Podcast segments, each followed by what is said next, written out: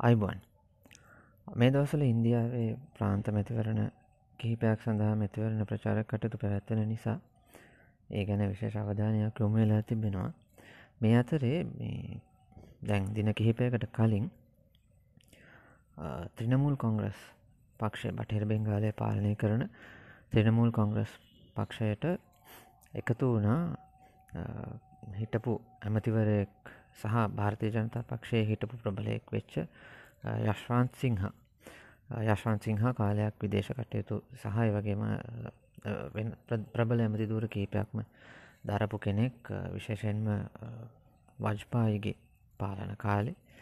ඉතිං පසු කාලෙක ඔහු දැන් අවුරුදු කිහිපයකට කලින් භාර්තය ජනතා පක්ෂය නිවත් වෙලා තමයි හිටියේ. ඔහු දැනට වයෝවෘදයි ඉතිං අවුරුදු අසුවතික්ම ඉක්මවාගිය අයෙක්. ඉතිං දේශපාලික වශයෙන් විශාල විශාල බලපෑමක් කරන්න පුළුවන් කෙනෙක් නෙමේ මේ අවස්ථාව වෙනකොට. නමුත් යස්වන්සිංහා ත්‍රනමුල් කොංග්‍රස් පක්ෂයට එකතුවීම තුළ අපි දකිනවා අලුත් පිටුවක් සඳහා අරෑඳීමක් ත්‍රනමුල් කොංග්‍රස එකේ පේන තියන කියලමක අපි දන්න දැ ත්‍රනමුල් කොංග්‍රස් පක්ෂය මුලින් ඇතර මේ නමින් හඳෙන්නුවට වර්තමානය හඳුන්වන්නේ සමස්ත ඉන්දීය ත්‍රනමුල් කොංග්‍රසය කියලා. ඉතිං අනාගතයේදී බටර් බෙංගාලයෙන් එපිට දේශපාලනික අවස්ථා උදාකර ගැනීම පිළිබඳ ත්‍රමුල් කොංග්‍රසය අවධානය පැදිලිම යොමුලා තිබෙන මේ වෙන කොටත් ඇතරම බටර් බෙංගාලයෙන් පිටත ප්‍රාන්ත කිහිපයක ත්‍රමුල් කොංග්‍රසය ක්‍රියාත්මකයි. විශේෂම ඊසානදික ප්‍රදේශයේ සහ එක ඉන්දියාව ඊසානදික ප්‍රදේශය සහ ඇතරම කේරලේ පවා. ඉතිං මේ කාරණය ඉස්සරහට වැදගත් වෙන්නේ විශේෂම කොංග්‍රස් පක්ෂයට මේ වෙලා වෙනකොට සිද්ධ වෙලා තියෙනදේ සමඟ කොංග්‍රස් පක්ෂය හරි හමං නායකත්වයක් නැති අයාලේ යන තත්ත්වයකට පැමිණිලා තිබෙනවා.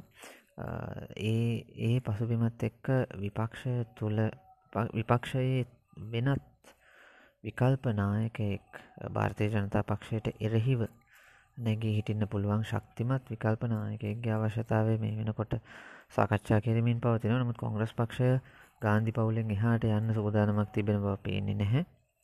මේ වගේ කාරණා එක්ක අලුත් නායකයෙක් ගැන විපක්ෂයේ ඇතැම් අය කතාබහ කරන්න පටන් අරගෙන තිබෙනවා. මේ වෙනකොට ප්‍රධාන වශයෙන් විපක්ෂයේ ජාතික මට්ට මේ නායකයෙක් විදිහට නැගී හිටින්න පුළුවන් කෙනෙක් විදිහට පේන්න ඉන්න චරිතය තමයි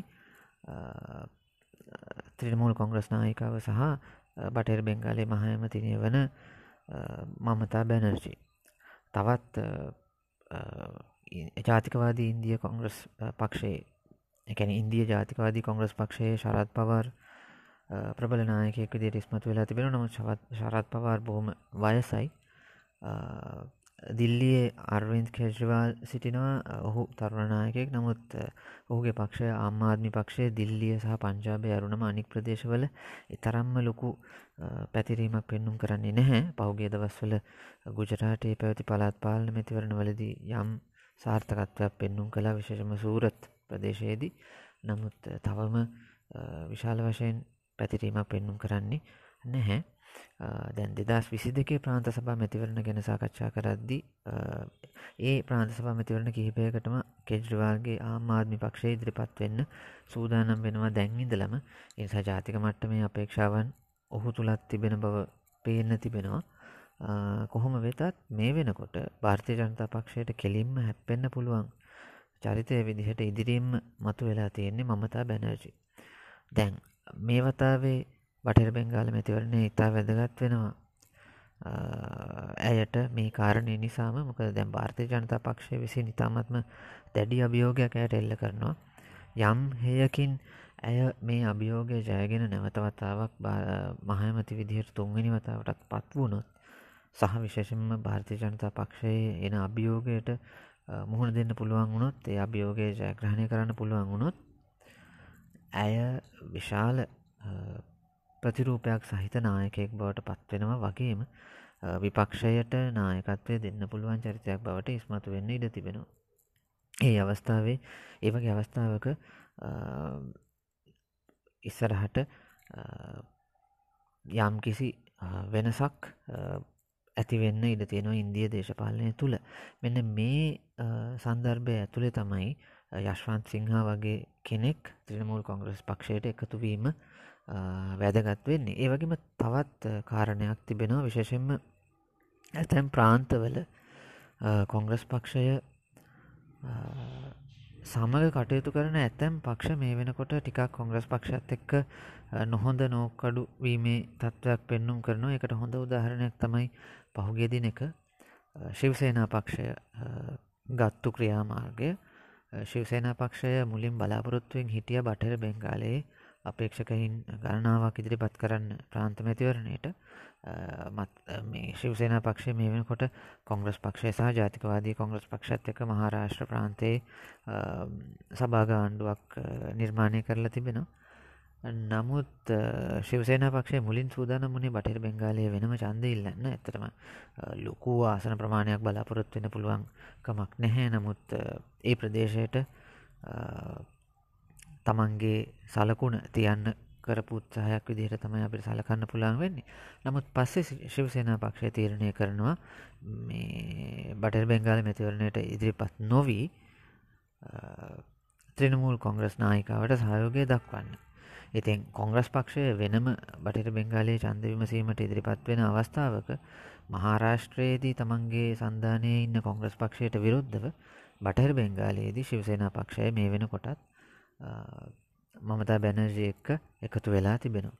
ඒ වගේම තමයි ජාර්කන් පක්ෂ ප්‍රාන්තයේ ජාර්කන් මුක්තිමෝර්චා පක්ෂය ඒ පක්ෂයත් ඇත්තටම මමතා බැනර්ජයට සහයෝගය දක්වලා තිබෙනවා ඒ පක්ෂය නම් බටර බෙංගාලයේ ආසන කිහිපයකට තරඟවදින්න සූදානමින් ඉන්න බව තමයි වාර්තා වෙන්නේ නමුත් ඒ කොහොම වෙතත් ජාර්කන් මුක්ති මෝර්චා පක්ෂය මමතා බැනර්ජිට සහයෝගය දක්වන බව ප්‍රකාශ වෙලා තිබෙනවා. ඉතිං මේ වගේ කාරණා එක්ක කොංග්‍රස් පක්ෂය ප්‍රාන්ත සභාවල තමන්ගේ